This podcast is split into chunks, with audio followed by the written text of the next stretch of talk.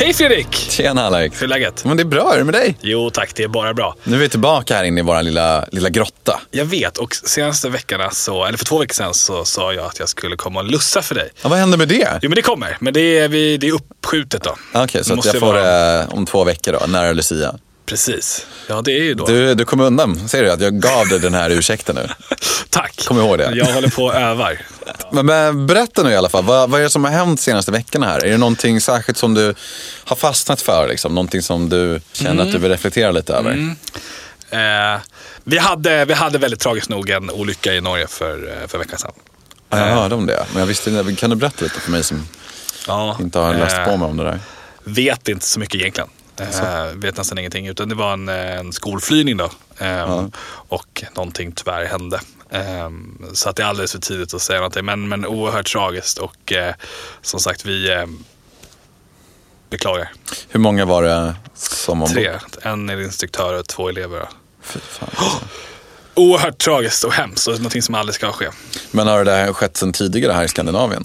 Men vi har haft olyckor såklart i utbildningssammanhang. Det är ofta små flygplan och det finns begränsningar och det finns ehm, ehm, ja, situationer där man, man trycker in ett flygplan i en, ett, eh, som man säger, en stressad situation. Det är klart, man måste ju öva på saker och ting.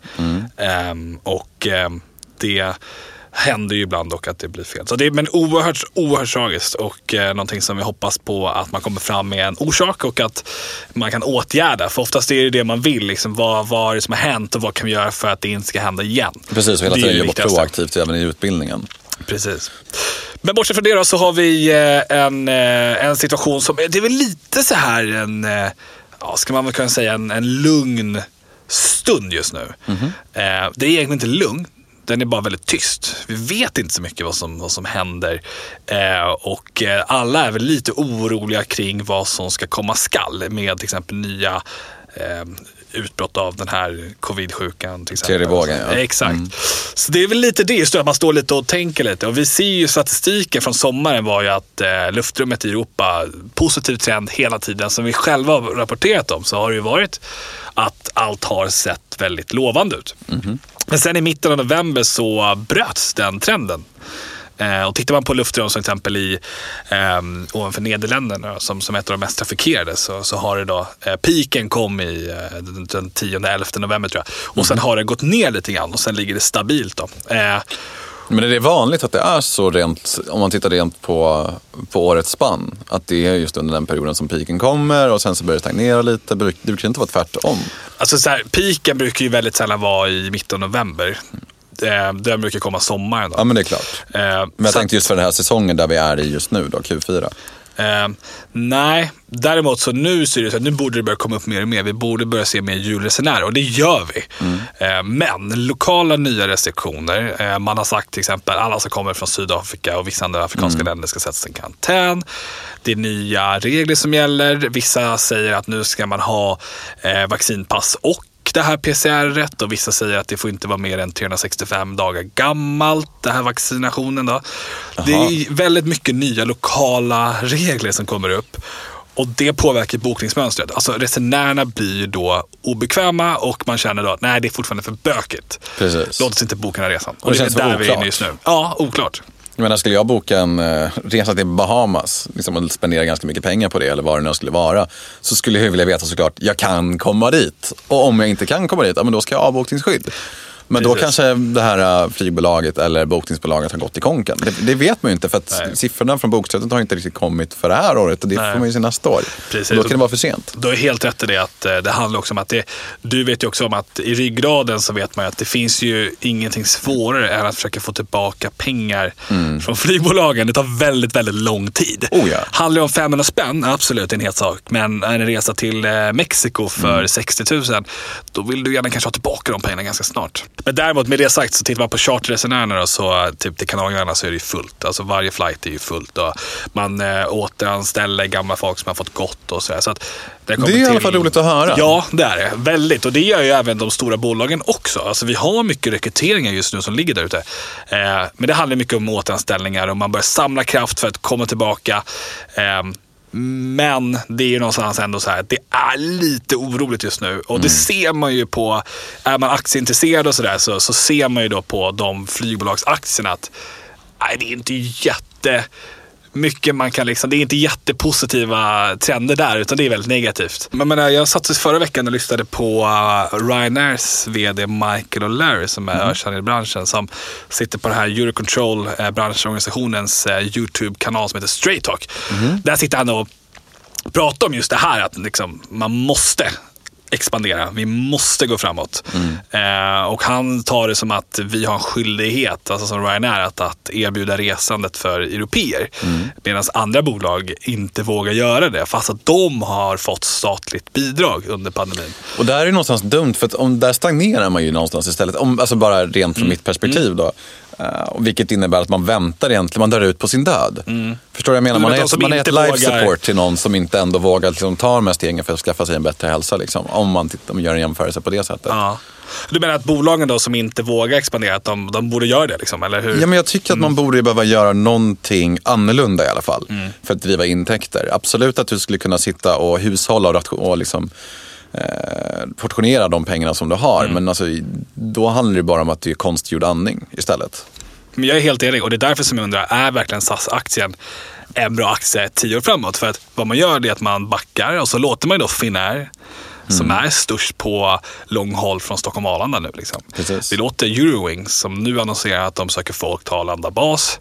Ehm, vi får andra aktörer, då, och Ryanair till exempel, då, att komma in och ta marknad. Så att, du har ju helt rätt i det att då sitter man och gör konstgjord andning och bara skjuter upp det. Ehm, och då är ju frågan då, kommer SAS kunna att när allt är över, när de känner att nu är det lugnt, nu kan vi dra igång igen. Då är frågan, finns passagerarna fortfarande kvar där? Finns personalen kvar? Finns infrastrukturen kvar? Eller är alla slottider liksom bokade eller vad man kallar det? Alla där man parkerar sina flygplan och hej och hå. Jag menar, det, är- det är ju sådana saker rent, rent konkret som också kommer kunna, kunna spela roll i det, i det långa loppet. Och därutav så tror jag absolut att det Ryanairs vd säger och det, det är ju bara att vinna på. Men eh, du har ju varit uh, utomlands nu också. Ja! Du har varit i Tyskland. Ja! Träffat på en tysk pilot som Ja. eh, väldigt många säkert känner till. Ja. Och det, Definitivt. det har väl varit väldigt roligt har jag hört. Ja, men helt fantastiskt. Eh, helt fantastiskt. Och, och få någon som är som hållit på sedan 2015 med just eh, YouTube och försöker sprida det här budskapet kring vad, vad är flyget och vad är att vara pilot och vad innefattar det och sådär. Det är fantastiskt kul att få träffa en sån person som jobbat så många år inom det eh, och som eh, verkligen vet vad han pratar om. Men som också har otroligt mycket folk bakom sig. Alltså när han släpper en video så är det otroligt mycket folk som tittar. Och att få han att säga, nej men jag vill vara med i Flygarpodden. jag tycker det här är jättekul. Det är jätteroligt att nå ut till den skandinaviska marknaden. Det är fantastiskt. Det är ju superroligt. Verkligen. Det är väl ingen anledning till oss att dra det här någon längre. Nej. Det är väl dags att introducera honom. Det är det. So from the studio here in Stockholm, let's send it over to Alex in Germany. Take it away Alex. First of all, welcome to Munich. Thank you, thank you, and thank you for having me here. Yes, Yeah. absolutely. It's, Yeah. uh, it's a pleasure that you flew all the way from Stockholm to Munich Yeah. to, to do this recording. It's really nice. I mean, as has to be in aviation, you have to take the flight and, and fly down. I mean, the digital meetings are awesome, but in some ways, it's better to meet in person. absolutely. Yeah. I agree. So, how are you? You good? I'm good. I'm good. I'm uh, a little overwhelmed with uh, the latest works. Yeah. but uh, no, flying's been good. Um, the YouTube channel has been doing, doing good. The book's been doing great. Yeah. Uh, but uh, I'm, I'm coming to a point where I, I'm ready to take a break. yeah. Is but, there any uh, upcoming holiday? Uh, Uh, well, I'm, I'm doing a lot of flying in, in December, Yeah. um, but uh, my company granted me to get off uh, for Christmas, which is pretty nice. Um, this is actually the first time in f- five years it is that I'll be celebrating Christmas with the family uh, because my seniority was always so low, I could never Yeah. request off Yeah. for Christmas. So now I'm, uh, yeah, very happy to, to be spending Christmas with them. Yeah, we wish you a very happy Christmas. it's fairly early. It is though, but I mean, it's coming up. It's December next week. Yeah. True, true. Uh, so, Joe, please, uh, for those who doesn't know who you are, uh, just give a brief uh, introduction of who Absolutely, you are. Yeah. absolutely. Uh, yeah, well, my name, my is uh, Joe Dieboldar. I am. I've aged well. 30, 37 years old. Uh, I live in Munich, um, and I'm I'm known among the social media platforms Yeah. as uh, AK Captain Joe. Yes. Uh, and uh, I've used to fly passenger planes for, for eight years for a great company called uh, Air Berlin until their bankruptcy Yeah. in 2017. Uh, and since then, uh, I've been flying for a, great cargo company, uh, Cargolux, who's been uh, yeah taking me around the entire world and had a lot, or having a lot of fun with it. And um, yeah, and running this this YouTube uh, social media business as a side, just written my book and uh, doing all sorts of other things. Uh, no, I'm uh, that's more or less uh, rounds up Captain Joe. That's awesome. Uh, and I just have to start by saying, like, okay, so we're here to talk a little bit about aviation and stuff, Mm-hmm. obviously. Uh, but you also have that book release that we will be talking Yeah. about very, very soon. Yeah. Before that, you st- you said social media and stuff. I mean, Yeah. you have a lot of followers. Uh, you st- Instagram, you have about almost a half a million followers. Mm-hmm. It's huge. Uh, and you do videos on YouTube and, and everything. Uh, you do speeches uh, to companies. You Mm-hmm. travel around. Uh, how come you started with that? It's a uh, you know one of those stories that is by pure coincidence, and I'm, I'm actually quite proud of the story. Yeah. Um, it happened so that whilst I was flying with Air Berlin, I always I realized I had a lot of time off. Um, you know, flying five four days, another five days off, that sort of roster, and um, I always wanted to do something with my time off. So um, I looked into becoming a personal trainer, which I did for some time. I did uh, the newspaper run. I did all sorts of uh, weird jobs, but. Um, This was at the same time as, as you were employed by Air Berlin. Yes, yeah? absolutely. And um, and then one day I was, um, uh, funny enough, in Munich Yeah. on a turnaround, and uh, the turnaround was like a two-hour turnaround. We had quite some time, and then my dad suddenly calls me, and he was reading a newspaper article Mm-hmm. uh, about an airplane incident, and he didn't understand what the pitot tube was or how it Ah. worked. And I said, "Look, Dad, no problem. I'll take you on an, a virtual outside check." So I we switched from a phone call to a FaceTime call, and I took him around the aircraft, Yeah. and I pointed out things. You know, this is the pitot tube, and then I showed him the landing gear and this and this and that. Sure. And um, this outside check I did with him, um, he's been like two weeks later. Uh, we meet and you know had a, a beer or two, and then he says, "Joe, you explained this so incredibly well." Don't you think your passengers could be interested in you know watching Hmm. these kind of videos? Why don't you start a YouTube channel? and So your father was yes, my dad. side, My dad was already like sixty six or something, so he came up with the Cool. idea. And then we said, all right, why don't we start with an Instagram account first? So we uploaded a couple of pictures from the cockpit and. Yeah. stuff like that. And then I immediately realized that it just skyrocketed. So when was this? This was like back in 2000. two thou- oh my god, that was 2015, I So think. this, was, wasn't that far long ago. No, no, it's not that far No. long ago. No, and then um, so I realized that the cockpit pictures did really well, Yeah. and and then I said, okay, I'll try my first YouTube video. Yeah. So I uploaded my first YouTube video, which was admittedly very boring. it was about the sterile cockpit, which is don't talk, you know, private. 10,000 or don't have private and stuff, conversations yeah. below ten thousand feet, and. Uh, and then I realized, ah, okay, good. Uh, and then the next video that I did was um, about reverse thrust, which is something that passengers can see from the from the. Yeah. window, from the passenger On the window landing, yeah. On landing. And because it's something passengers can see, and the thumbnail maybe you know got the people really interested. The, the video got like a million views in, in like a week or something. Yeah. So I knew I'm onto something as long as I do something passenger related, because there's a brighter, uh, a wider audience Exactly, yeah. And uh, yeah, and then uh, it's, so if you look at my if you look at my first videos, the first twenty of them are all very passenger related. But are they still there? Yeah, they're still Ah, there. so Yeah, the they're, first still, one is still there. They're still Okay. there. They're still there. And uh, I mean, looking if I look at the videos now, it's, Mm. it's so cringeworthy because so much has changed since then. I mean, sure. I, I recorded my videos in the kitchen back then, and Yeah. the lighting was terrible, the audio was rubbish, and I mean, it's just everything sort of. Uh, but I mean, you learn from your mistakes, and, Yeah. and I think now it's it's uh, you know got to what it is now, and Yeah. I'm pretty happy about it. Yeah, but I think it's fun as you said that. Uh, uh, I mean, people uh, that is non into the aviation industry, Mm-hmm. they're very curious about it. Like they want to know what goes on and what happens and why does the CPAP sign come off and on and, and they want to know stuff, right? True, Uh, true. So I think yeah, you you do have a big you know audience who wants to know more about uh, Yeah. what's actually happened. Sterile cockpit, no nobody knows about it. I think. Yeah. So maybe that's not like more um, hit friendly, maybe Correct, compared correct. to uh, uh, the reverse thrust. Yes. So, okay, so you started YouTube, you did Instagram, uh, and the change now. It's been seven years, right? Mm-hmm. Yeah, roughly Uh, sort of. Mhm. Where are you today?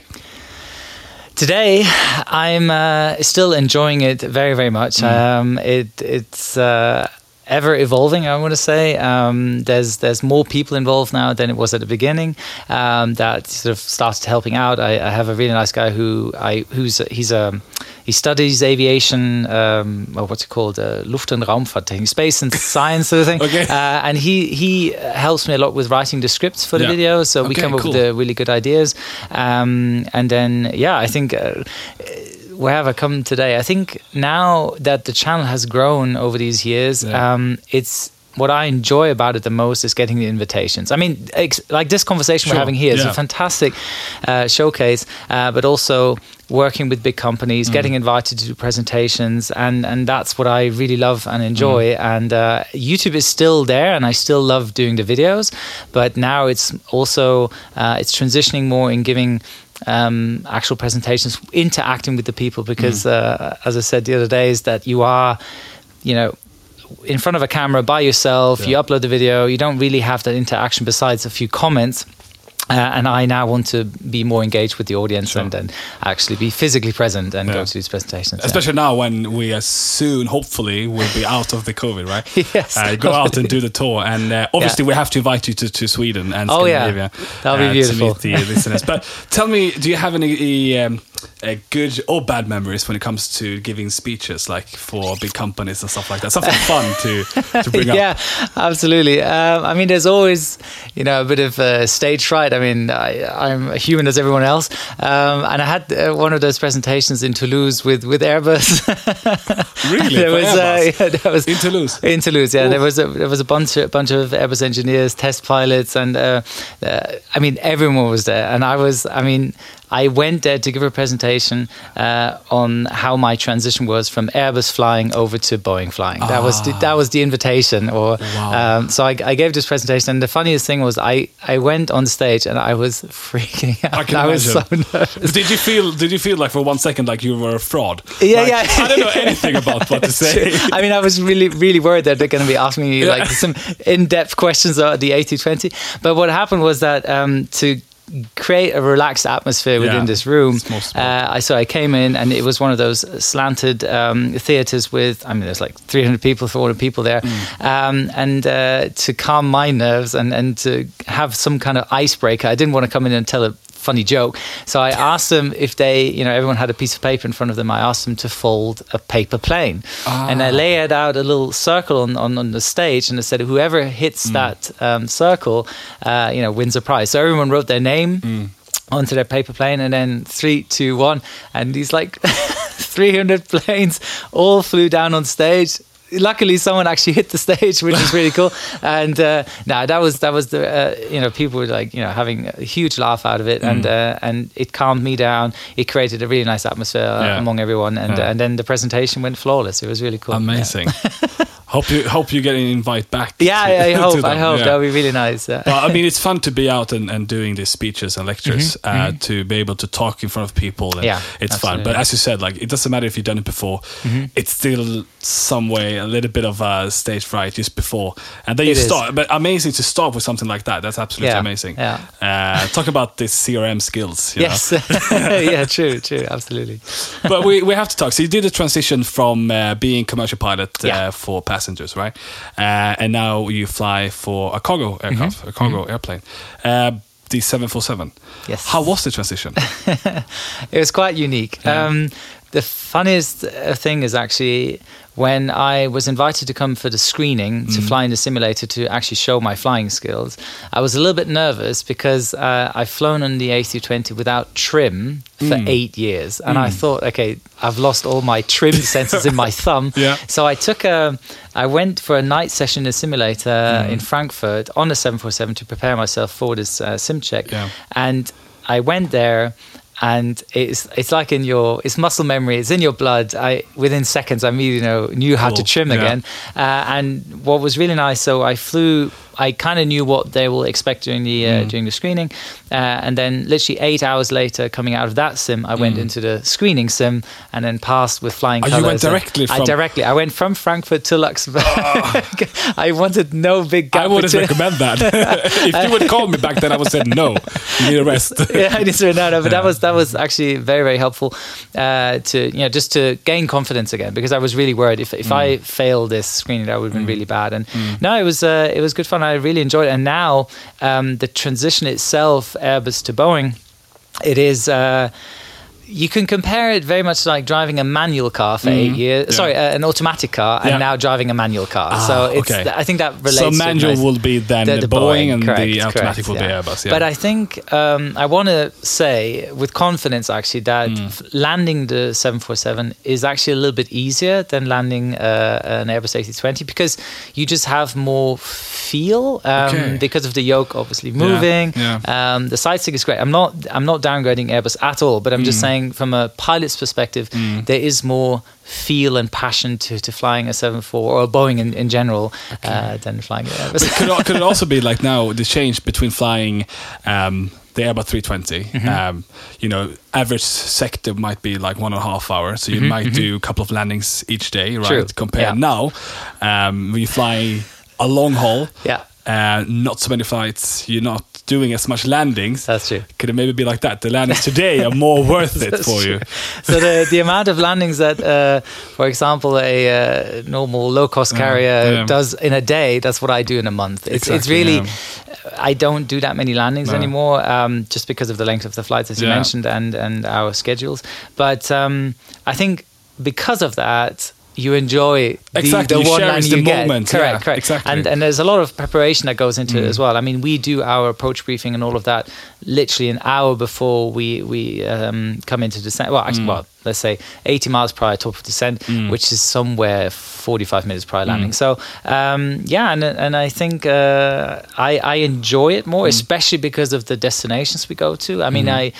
We fly to destinations um, that I only fly into. I don't know twice a year sometimes, Yeah. and uh, and that gives you a bit of a thrill, you know, because every It's not approach is standard, like, it's not no. standard. No, I mean, I I could. ILS in literally- München, you've done a couple of times. I could have. Te- I can tell you all the frequencies going from Munich to Berlin by heart. I Yeah. mean, I we did them so many times, Yeah. but now it's it's not just also the, the the the actual flying the challenge. It's all communication. ATC is big. I mean, if Mm. you go from Russia to China, from China to Alaska, you know, there's all these different ATC guys and different procedures in place, CPDLC, HF, Mm. Yeah. Mm. uh, oceanic clearances and all of that stuff. So there's a, there's a big um, Operation behind correct, only just the flying correct. part, And it's not just the physical or manual flying part. yeah. And that's the fun part, isn't it? That's aviation. For me, that's aviation.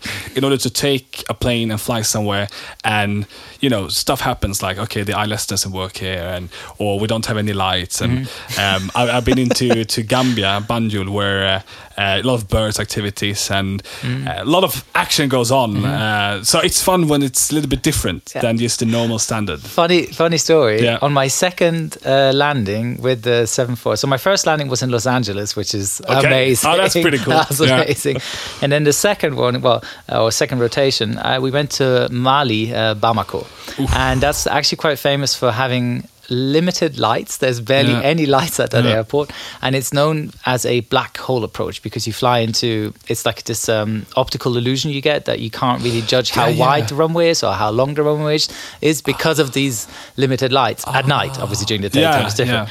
And so we come into approach, we brief this black hole, this Mm. and that, and um, and my captain flicks on the landing lights at ten thousand feet, Yep. and we go through a couple of clouds, and my captain says, "Hang on." Why is only the left hand side so bright? What, what's with wrong with the right hand side? And all the landing lights on the right hand side No. were inoperative. Yeah, so we come in for landing. We saw the runway. I mean, it was Yeah, fine, yeah. but um, I mean, yeah, it, it's It just one of those days, you know, where just everything comes together, and uh, yeah, yeah, everything But was good. What what has been then the most fun destination to fly towards? Uh, oh, Quito for sure. Okay. Ecuador. Yeah, Quito, it's very high, isn't it? It's super, super Yeah. high. Um, let's say fun is maybe not the right word. it's Okay, more, it's it's, more challenging. No, it's, it's No, intense and challenging but- because that's where you really, um, you know, the, the plane behaves so different than it would at 2,000 feet. And there it's at 8 or 10,000, 12,000 feet. The, the landing is at uh, 7,500 feet. Oh. And meaning your turning radius is much larger than it is. Um, you need you have a much, much higher airspeed to Yeah. actually keep the plane flying. So all of these things uh, play into this approach. And Yeah. um, meaning you have to be really on point, well prepared. And yeah, those are the more challenging ones. Uh, fun wise, I mean, you know, any any landing that comes turns out great is a fun a fun approach. But uh, no, I, I wouldn't say that's No. fun. I mean, going into the states, if you go into the states, you very often get these visual approaches. Yep. They'll clear you out, you know, Yeah. thirty miles out to say, oh, Yeah. you clear for visual approach. So that's a lot of fun. Um, yeah, I Yeah, it yeah. Well, I agree. I agree. And also, you're like you're clear for the approaching number five. and you're like one, two, three, five. Okay. Yeah. Uh, but to just go back quickly to Quito, I, I think it's Mm-hmm. uh, really funny that you mention it because. Uh, it is a strange airport uh, when Yeah. Mm-hmm. it comes to its very high altitude, as you said, high speed and, and everything. Uh, how does that in your mindset works when you're flying there? Do you prep during the whole flight? Like you start going on with things? I mean, Mm-hmm. Yeah. because you have the luxury of, of that time. Uh, you don't have any passengers and stuff Correct, to talk to. correct. Um, Um, well, we, what we do is we fly from either from Sao Paulo or from Curitiba. It's roughly sort of a four to five hour flight to get to Mm. Quito. So you have you fly all over the rainforest, which is actually also pretty. That's quite the sight. Mm. Wow. I mean, I've never flown along a five hour long thunderstorm. It's No. the, the size of the thunderstorms there is it's Huh. epic. Um, no, but you do have a lot of time, and there, there's a, there are a couple of things. For example, you're not allowed to um, extend the flaps at uh, 22,000 feet. Mm-hmm. But that, I mean, you Mm. read this as a limitation in your booking. So when am I ever going to extend my flaps in 22,000 feet? And that's exactly Ah. where you'll be needing it. And then you literally have to descend below 22,000 feet Yeah. in order to do that. And Wow. Mm. um, so it's there's a lot of preparation. I mean, it sounds silly, but you can do a lot of chair flying mental preparation Mm. already in the hotel room before. And I, I highly recommend anyone who's wanting to become a pilot Mm. to do that because it. If you've seen it in your head before, it makes it'll just be so much easier on the actual day where you'll be needing it. So Yeah, yeah, I can imagine. Hej, Alexander här från aviators.se och Flygarpodden. Vill bara flika in snabbt och uppmuntra till att gå in på vår hemsida aviators.se. Bli medlem, få ta del av den senaste informationen, vad som händer i branschen, men även såklart också våra rekryteringsuppdrag. Så gör det nu, aviators.se. Vi ses! And talking about passenger wise, Yeah. uh, the difference between having people saying like, okay, we need to depart now because I have a commute, uh, connecting flight, Yeah. you know, stuff like that, and now you don't have anybody speaking. Yeah. Uh, maybe some animals, maybe, but they don't speak. but but how how does that change feels and Uh, advantage or disadvantage? For me personally, I never became a pilot because of if it's passengers or cargo. I became a pilot primarily because of the feel, because I, I love just the passion of it and and then the the experiences I get from it. Um, but uh, flying cargo is is far much more relaxed. it is so much more relaxed. Yeah. It is really. I mean, we take off when the loadmaster hands us the load sheet and fueling is complete, and he said, "All right, you're ready to go?" Uh. And the door closes. We know nothing will stop us now. We'll just, uh, but you know, with passengers, then you have that passenger who doesn't forgot his luggage or or he doesn't show up, and then you have to you know find his luggage and oh god, all of that nonsense. Um, I have to admit a little bit that I miss uh, flying with the flight attendants Yep. um, because it was just much. I mean, it's, it was just fun with them. You know, it was always fun interactions and talking to them, and uh, because we are, you know, flying across the Atlantic in the middle of the night, the Yeah. two of us, it's pretty lonely sometimes. But um, so missing this this communication, that's the only thing I kind of miss from passenger flying. yeah. But other than that, it's cargo is great. I, I can imagine. and so you've been cargo pilot a couple of years now, and uh, we do have had the pandemic, obviously, uh, and the cargo industry has been blooming. Yeah. Uh, uh, how you feel that as a as a pilot flying cargo? Have you been flying a lot of extra flights or? Yeah, it's been quite hectic. Uh, the last two years have been, um, I mean, extraordinary for, for the cargo industry. And I sometimes actually feel a little like ashamed, like is literally posting things on Instagram because we're doing so well. And I know so many colleagues who are not doing well. Uh, so it's sometimes a bit, sort of, you know, Yeah. I don't want to put them off. And, and, and um, no, but um, it's. Uh, what the downside of this whole pandemic is or was for us you're a pilot not just because of the flying part. You're also a pilot because you want to experience great layovers. Mm. You want to go out in Hong Kong. You want to do, yeah, I don't know, go ice skating in Novosibirsk. Don't you want to uh, Yeah. go bike riding uh, in LA. You, there's all these things you want to do, and we could or we did in the past, and Mm. all of that has been taken away from us because we have um, hotel. What's it called? Inside in, in-room confinement. That you can't leave the hotel rooms. I mean, to an ah. extent, I'm Yeah. not kidding. In Singapore, we got the room key to open the door once, and if you exit the room, you had to. You couldn't get back in. Meaning, you had to do the walk of shame, go to the reception, and get a new key card, and Yeah. they, then they ask you all these funny questions. Why mm. have you left your room? And then oh, and all of that, and that was. And I think that's taken this this love and passion out of mm. flying because you know you went with your colleagues for drinks and this and that, and then this is all gone at the moment. I mean, I'm hoping obviously it'll come back, Yeah. but uh, yeah, Because you have been uh, allowed to enter at least places during the pandemic where, like for me, for instance, has not been able to go to. True, Uh, so yeah. I mean, in that way, you have seen, um, you, you know. In the front line, you've Yeah. seen, you know, okay, shit, this is not many people in this airport. True. Uh, have you been, like, for instance, in flying in, in Asia, have you Mm-hmm. seen the traffic has been become? I've- you've been alone on the frequency and I have stuff. two. Yeah, I have two two really good examples. Bangkok is one of my uh, one of my favorites. Thailand is just it's just so much fun flying there, Yeah. and and it is one of the busiest airports within Asia. And I remember when we went there, I went with a captain of mine, and we're in this terminal building, and it was, I mean, dead is an understatement. There was no one there. It was absolutely quiet. And he said, All right, let's have a two euro coin and drop it onto the floor. And you could hear it drop because that's how quiet it was. It was shocking. Yeah. And the other thing that I remember was also pretty fun, uh, actually fun, was coming into Hong Kong. When you, I, I always think the aviation industry can be determined by the amount of traffic that goes into Hong Kong, one of the Okay. biggest airports in the world. Yeah, that's true. You come into Hong Kong Yeah. Uh, cargo da da da. You're number 25 on a pro. Oh my god, you know, it takes forever. yeah. But in during the pandemic, Ah. you're number one. You're clear to land out Yeah. of 22,000 feet. Yeah, It was insane. I mean, you Wow. Mm. could do approaches.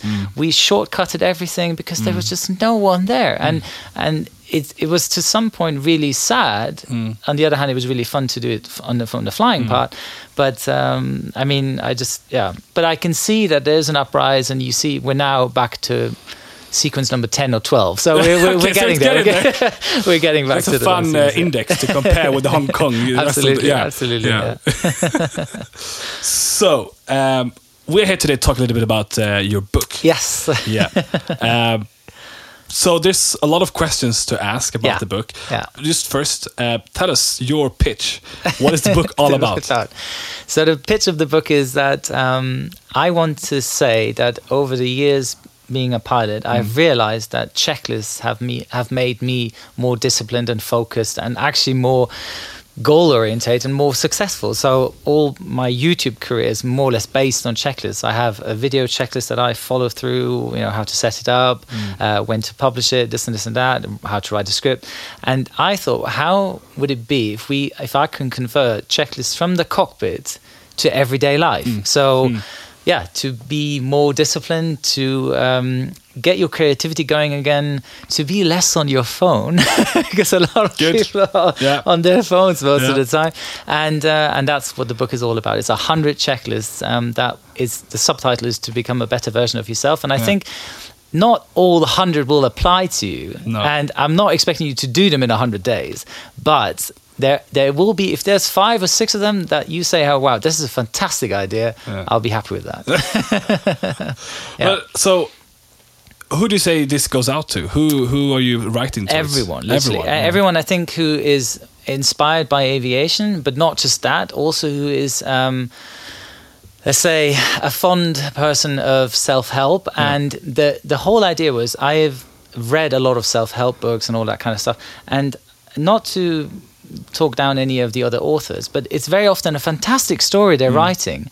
And then I feel, you know, elevated and I read, mm. oh, this is great. And then I close the book and I say, okay, good. Now what? You know, there's mm. no action part in it. So mine is the checklist is always set up in it's a story of my life that Mm. I've experienced. The second part is why I believe this checklist is good for you, Mm. and the third part is the actual checklist, meaning you have to get out of your chair and apply it.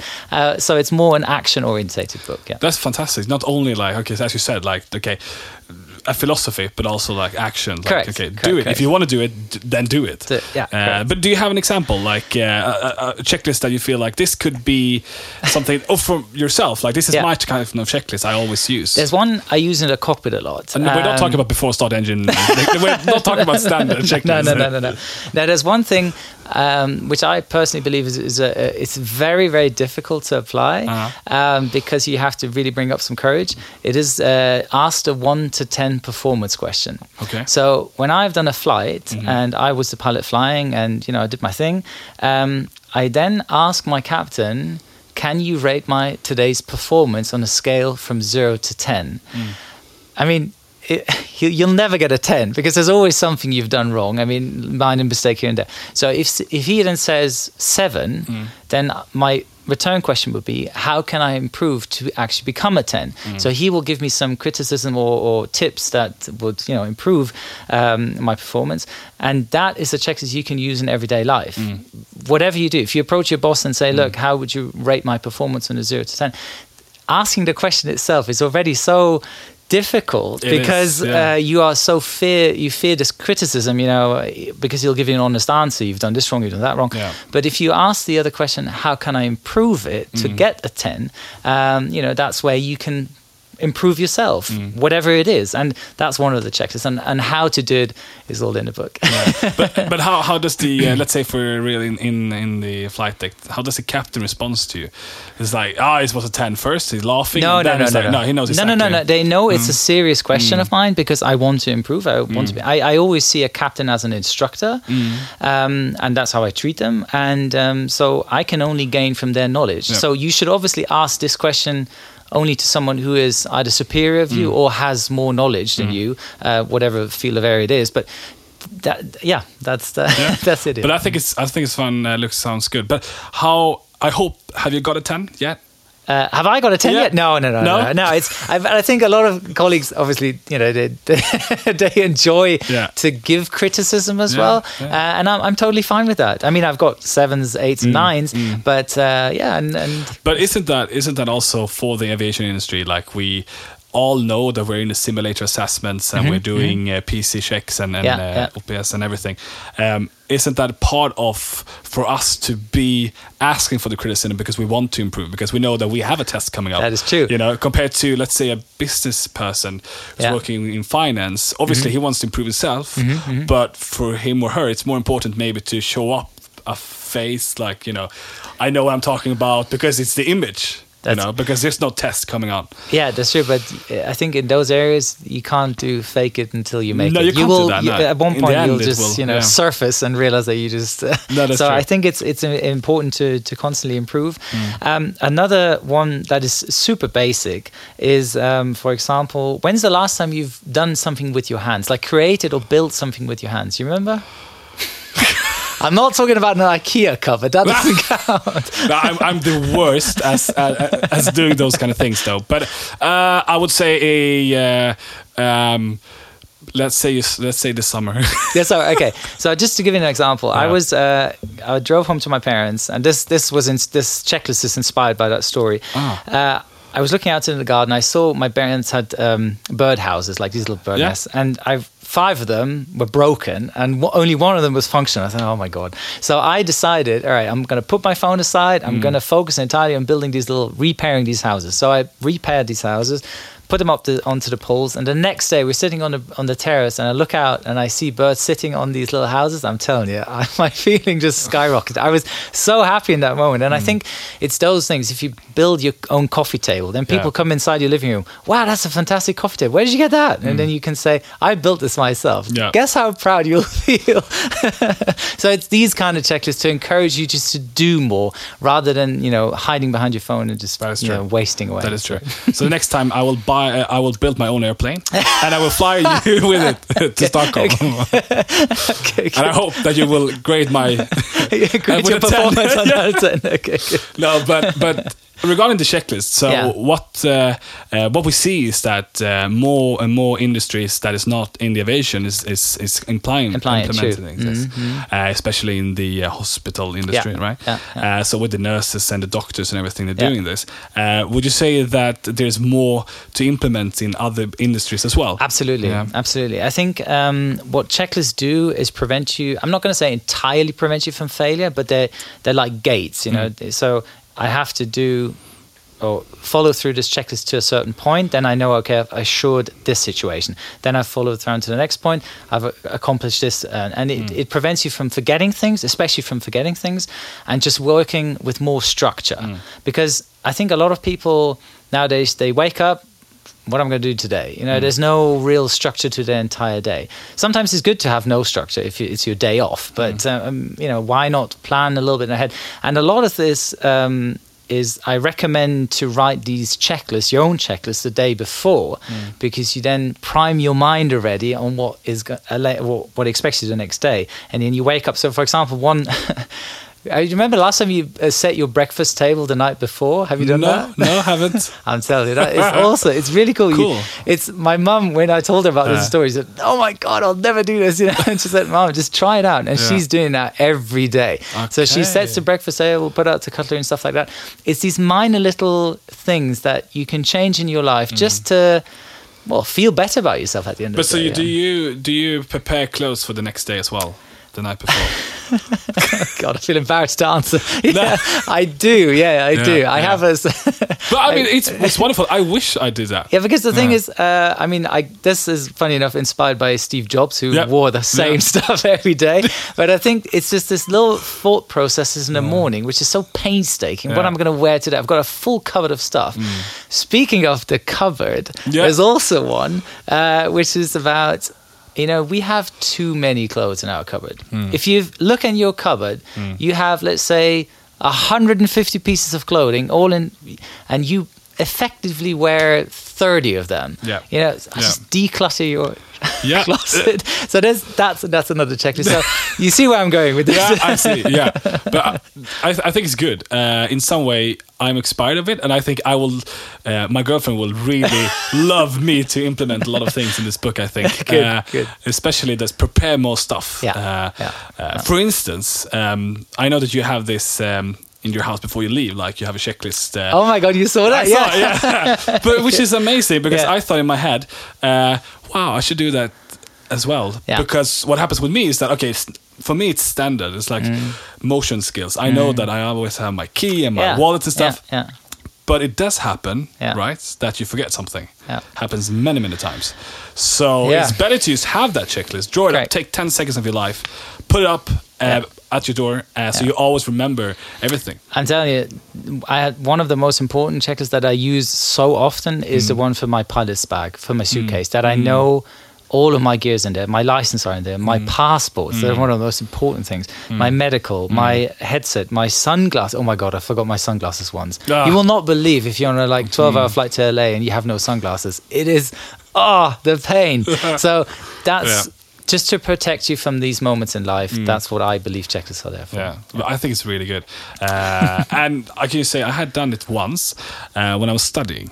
I did checklists for studying. Like, okay, you have to do Mm-hmm. Good. this and that and that, and it, it's not a checklist, but like, okay, you have just like more of a timetable. Yeah, yeah. But it it comes down to being part of it. Like, you have to check it off. Like, you know. Uh, but I think it's absolutely uh, amazing. So you're releasing this book once Yeah. we are publishing this episode. Correct. It will be the same. No, the day after. Oh, the day before. No, the first of December. It's Ah, coming on. yeah. okay, yeah. great, So the yeah. day before, it's Okay. already online now. It's already online, so you can go out on on uh, the website. yeah, either on the website you can get the ebook, uh, or you go on Amazon where you can get the the, the paperback Yeah. and also the ebook there as well. Yeah, perfect. And we encourage everybody to do it. It's a Yes. perfect Christmas gift. Absolutely. Yeah. I think I think like, I hope none in my family listens to this episode because everybody will get this book. okay, good. Okay, good. Good. Nice. So talk about something else then. Yeah. Mm-hmm. Uh, I mean, you have been on YouTube and Instagram, and we see a lot of um, student pilots, right? And, and I know, as a former instructor, I know that I have had a lot of students Yeah. uh, talking about you. Um, Okay. So I have one guy called Elias, which is a good friend of mine. Okay. Uh, he's always talking about you and asking questions and stuff. And he's, he's very jealous I'm meeting you right now, I can say. But uh, talking about those student pilots or future pilots, uh, what would you say to them now in this industry in the pandemic as we see it right now in Europe? I think a, a, lot of these young students at the moment are struggling a little bit with where I'm actually am I going with this? Mm. Is there going to be um, uh, enough demand uh, of pilots in in the, in the, upcoming years for me to yeah to actually get a job? I think uh, first of all, it sounds so cliche, but it is really just to never give up and uh, also believe in yourself. Um, one once you are done with your training and this is what I have done, and I think this is very, very valuable, is that you have to literally go out to the airports and you just have to talk to anybody you meet up with uh, who has a plane. You tell them that you're a pilot. I have a really, really interesting story that um, a friend of mine, she cleaned planes for a living. Mm. Uh, at an airfield where she had her pilot's license at ATPL, the whole thing was all completed. And she worked there to clean planes. Guess how long she did that job? One year? Two months. Mm. She met so many people who yeah, passed yeah, by her. Yeah. Oh, you're washing my plane. That's fantastic. And then she got into talking with mm. them. Hey, look, I need to ferry this plane there and there tomorrow. You know, you want to fly the plane with me? Boom. And she got a job instantly. And this mm. is if you don't expose yourself at airports or if you don't expose yourself or listen to podcasts, literally, if you exactly, listen to podcasts, you get to meet these people or hear their stories.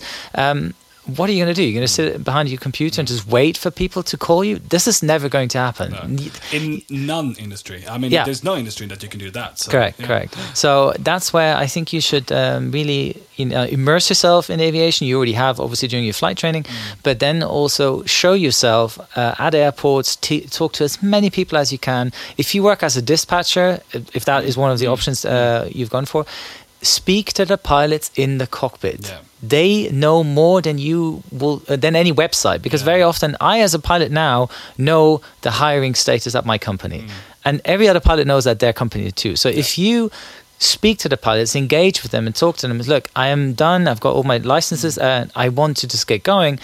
They will tell you, all right, the best thing would be wait another month or whatever. I have a feeling that we're hiring again, and apply to the right time. That's what you have to do. I think that sounds absolutely amazing. I am totally one hundred percent uh, on board with that.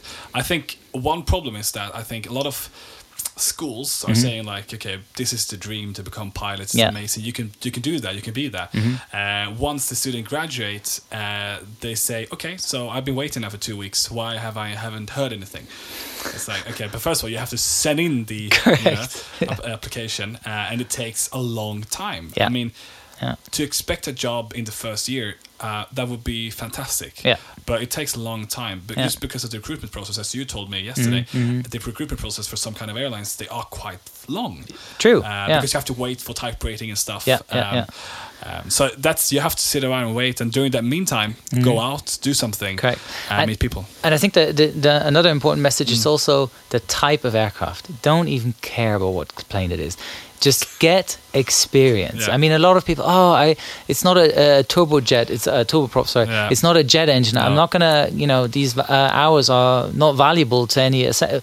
That's not entirely true. It's partly true because if, if, an airline says we need 2,000 jet hours, yes, there is mm. a, a, certain, um, well, qualified that they ask that yeah. for. But it's in general the more experience you have, I can just tell out of personal experience. I flew a Pilatus Porter and a, mm. and a King Air for two years mm. uh, before I got my job with Air Berlin, and I mean that set me apart from everyone else during the day of the assessment there was 10 people there and only two of them were hired we didn't have jet hours but we had mm. some experience yeah. and that is different to doing two years of nothing yeah. compared to someone as long as flying. Mm. You're you know you're talking ATC. You you're in your mm. procedures. That's what uh, they want to see at the assessment. Yeah, yeah that is true. That is absolutely mm. true. Uh, and talking about that for the future, um, what do you think is going to be? Um, do we see a lot of demand for pilots, or what do you think? Like you, you with your experience and talking with people, coming back to Hong Kong. Exactly, exactly. so we're at twelve right now. So yeah, I, I personally believe that it will come back, mm. not as strong and as quickly as we had it in 2019, but we will get back to 2019 mm. at some point. It might take another three or four years until it is at that peak again but the, you see it already now that um, like holiday charters or whatever, if they're taking flight again, the planes are packed is, to yeah. the brim.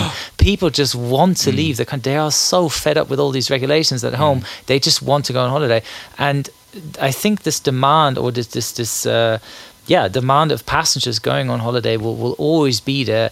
Business travel might dial down a little bit because we've all seen you can do this via a Zoom call, except for Except- Alex, who's coming all the way to Except, Munich. it's very important. of course. But but Yeah. but I think that this is something that you'll you cannot deprive people from from going on holiday. It will. Ne- this is just in our nature, and people want to go and explore and want um, to meet friends. You know, come to Munich and just do that kind Mm. of thing. So. That is, as soon as that sort of picks up again, um, I think we are going to be actually in a lack of pilots. They're going to be too little, and the demand will go Yeah. through the roof. Yeah. Especially now, I met uh, a couple of weeks ago uh, Sweden's first uh, instructor on the electrical aircraft, Mm-hmm, Uh, and we saw the aircraft and everything. Uh, and in Sweden, I don't know here in Germany, but in Mm-hmm. Sweden, Norway, it's very big. And we're talking about five years time, we will have a regional airlines flying with electrical aircraft. That's the vision, right? So let's hope for it. But um, that means small aircraft um, that could fly smaller routes, right? Um, and uh, that means that for one flight, that's a 737 with 180 passengers. I mean, it needs to have about 10 or 12 electrical aircraft in order to fill the same capacity. True, yeah. Uh, maybe we're talking about single pilot crew, you know? Mm-hmm. Could be, But yeah. Mm-hmm. still, it's a lot of aircrafts, which means a lot of pilots as well.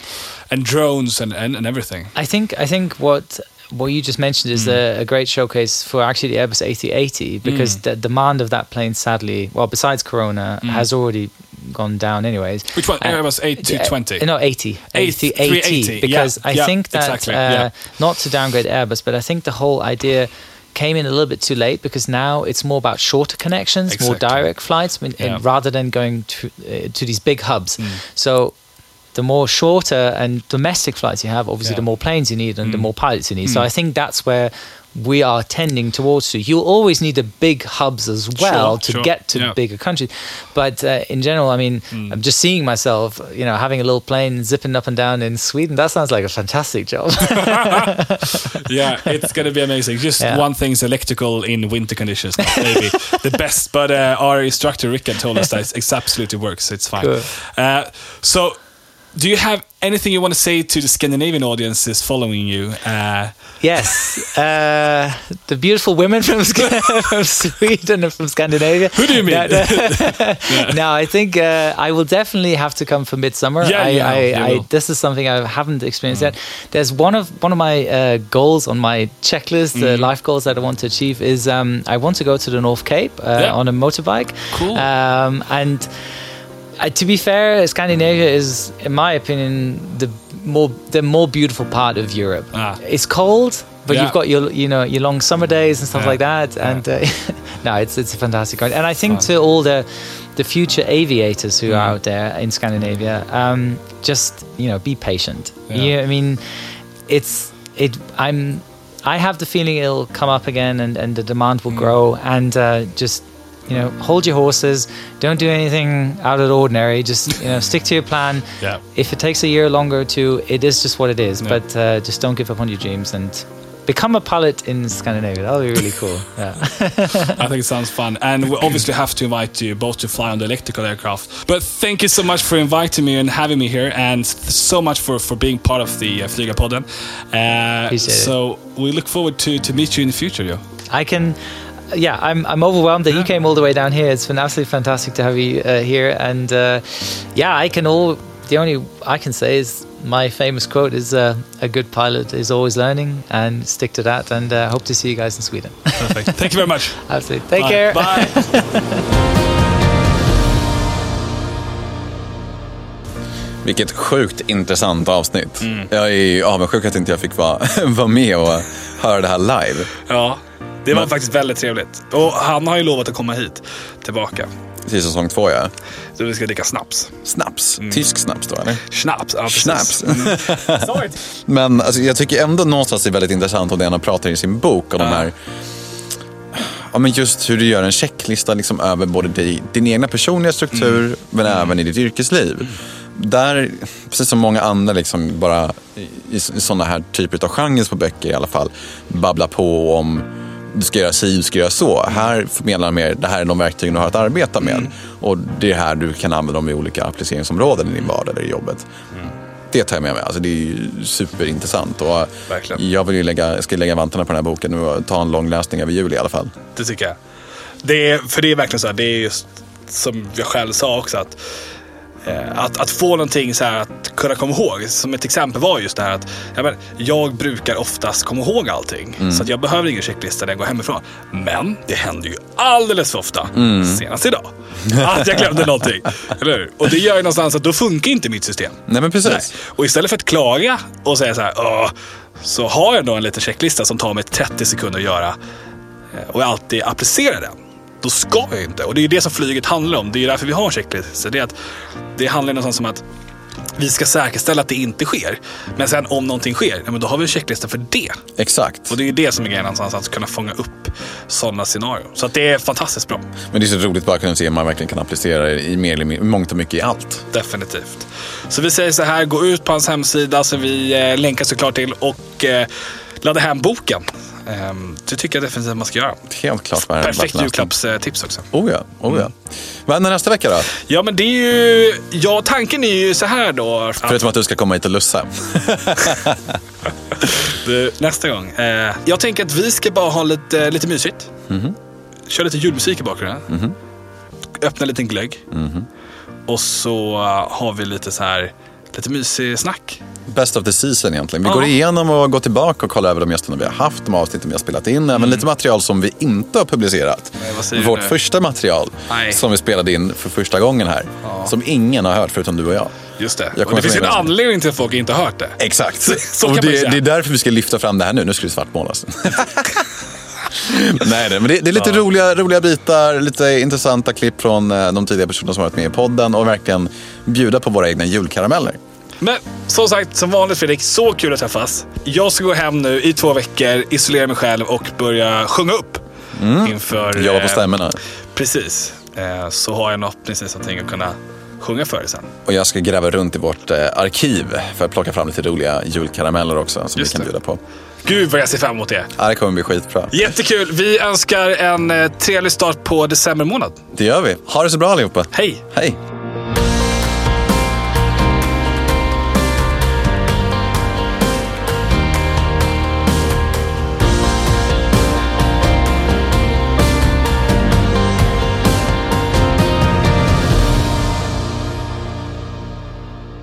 Nej men titta, är du kvar här? Ja men vad roligt. När du ändå sitter här så tycker jag du kan hoppa in på aviators.se och registrera dig som medlem. Där får du de senaste nyheterna, allting om våra rekryteringar och så får du även hålla lite puls på oss när vi skickar ut våra nyhetsbrev varje månad. Välkommen in!